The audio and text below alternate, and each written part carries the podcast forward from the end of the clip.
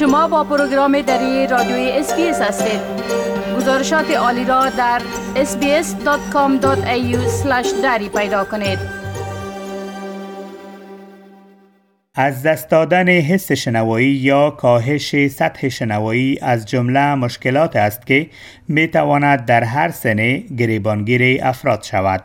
به طور عموم با افزایش سن از قدرت شنوایی کاسته می شود و در برخی از کشورها از بین هر سه فرد در سنین 65 تا 74 سال یک نفر حس شنوایی خود را از دست می دهد. در حال حاضر بیش از 3 میلیون استرالیایی نیز حس شنوایی خود را از دست دادند و حدود 1.3 میلیون نفر در این کشور با بیماری شنوایی قابل پیشگیری زندگی می کنند.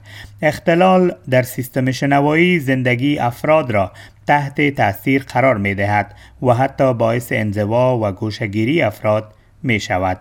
اما یک تحقیق تازه نشان می دهد کسانی که پس از تشخیص مشکل شنوایی از وسایل کمک شنوایی استفاده می کنند راضی هستند. تحقیق تازه که از سوی یک کمپانی ارائه دهنده خدمات مراقبت از شنوایی به نام اودیکا انجام شده نشان می دهد که بیش از 37 درصد استرالیایی که پس از تشخیص مشکل شنوایی از وسایل کمک شنوایی استفاده می کنند نسبت به قبل از تشخیص خوشحال هستند لورن مکنی که سند ماستری خود را در بخش شنوایی شناسی از پهنتون مکوری به دست آورده و حدود 14 سال است که در این سند کار می کند می گوید که این تحقیق تاثیر تداوی مشکل شنوایی را بر خوشی کلی افراد تداوی شده نشان می دهد.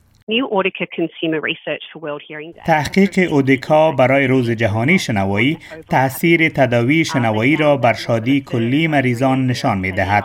آنها دریافتند که زندگی یک سوم استفاده کنندگان وسایل کمک شنوایی نسبت به قبل از تشخیص شادتر بوده است. وقتی که در مورد موضوع از دست دادن شنوایی یا هیرینگ لاس صحبت می شود هدفش تنها این نیست که یک فرد شنوایی خود را کاملا از دست داده است بلکه از دست دادن حس شنوایی ممکن است به اندازه یا درجه های مختلف باشد. به طور مثال یک فرد می تواند که کم شنوایی خفیف داشته باشد یا شنوایی یک فرد کاهش متوسط یا هم شدید داشته باشد. در مورد این که چرا افراد پس از تداوی مشکل کمشنوایی احساس شادی می کنند لورن مکنی می گوید We found that people feel happier after treating their hearing loss Uh, ما دریافتیم افرادی که حس شنوایی خود را از دست دادند پس از تداوی کم شنوایی احساس خوشی می کنند زیرا این ارتباطات را افزایش می دهد از هر سه نفر یک نفر می گوید که پس از تداوی از روابط بهتر با شریک زندگی خود لذت می برد علاوه بر این تعداد مشابه از افرادی که از وسایل کمک شنوایی استفاده می کنند احساس ارتباط بیشتری با خانواده خود می کنند و می گویند که استرس کمتری در رابطه آنها وجود دارد.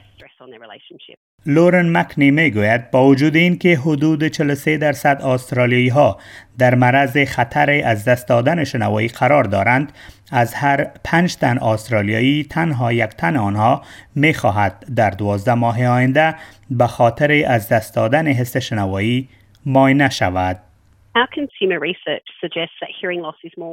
تحقیق مصرف کنندگان ما نشان می دهد که مشکل از دست دادن شنوایی بیشتر از چیزی است که مردم فکر می کنند.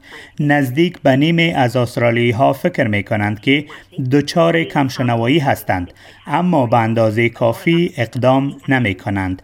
از هر پنج تن استرالیایی تنها یک تن آنها می خواهد در دوازده ماه آینده ماینه شنوایی انجام دهد.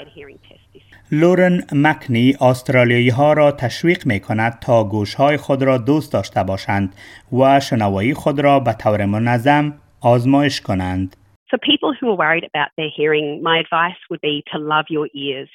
توصیه من برای افرادی که نگران شنوایی خود هستند این است تا گوش های خود را دوست داشته باشند. نسبت به شنوایی خود فعال باشند و به طور منظم ماینی حس شنوایی شوند. تحقیقات نشان می دهد که حدود 50 درصد استرالیایی ها با آسانی نمی توانند تا علائم از دست دادن شنوایی را شناسایی کنند.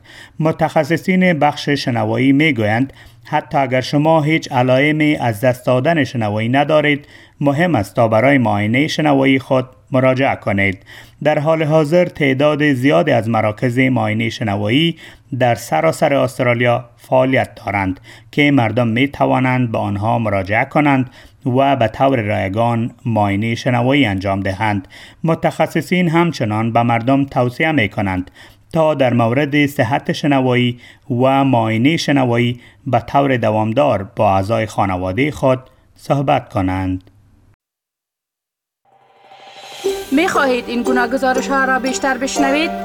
با این گزارشات از طریق اپل پادکاست، گوگل پادکاست، سپاتیفای و یا هر جایی که پادکاستتان را می گیرید گوش دهید.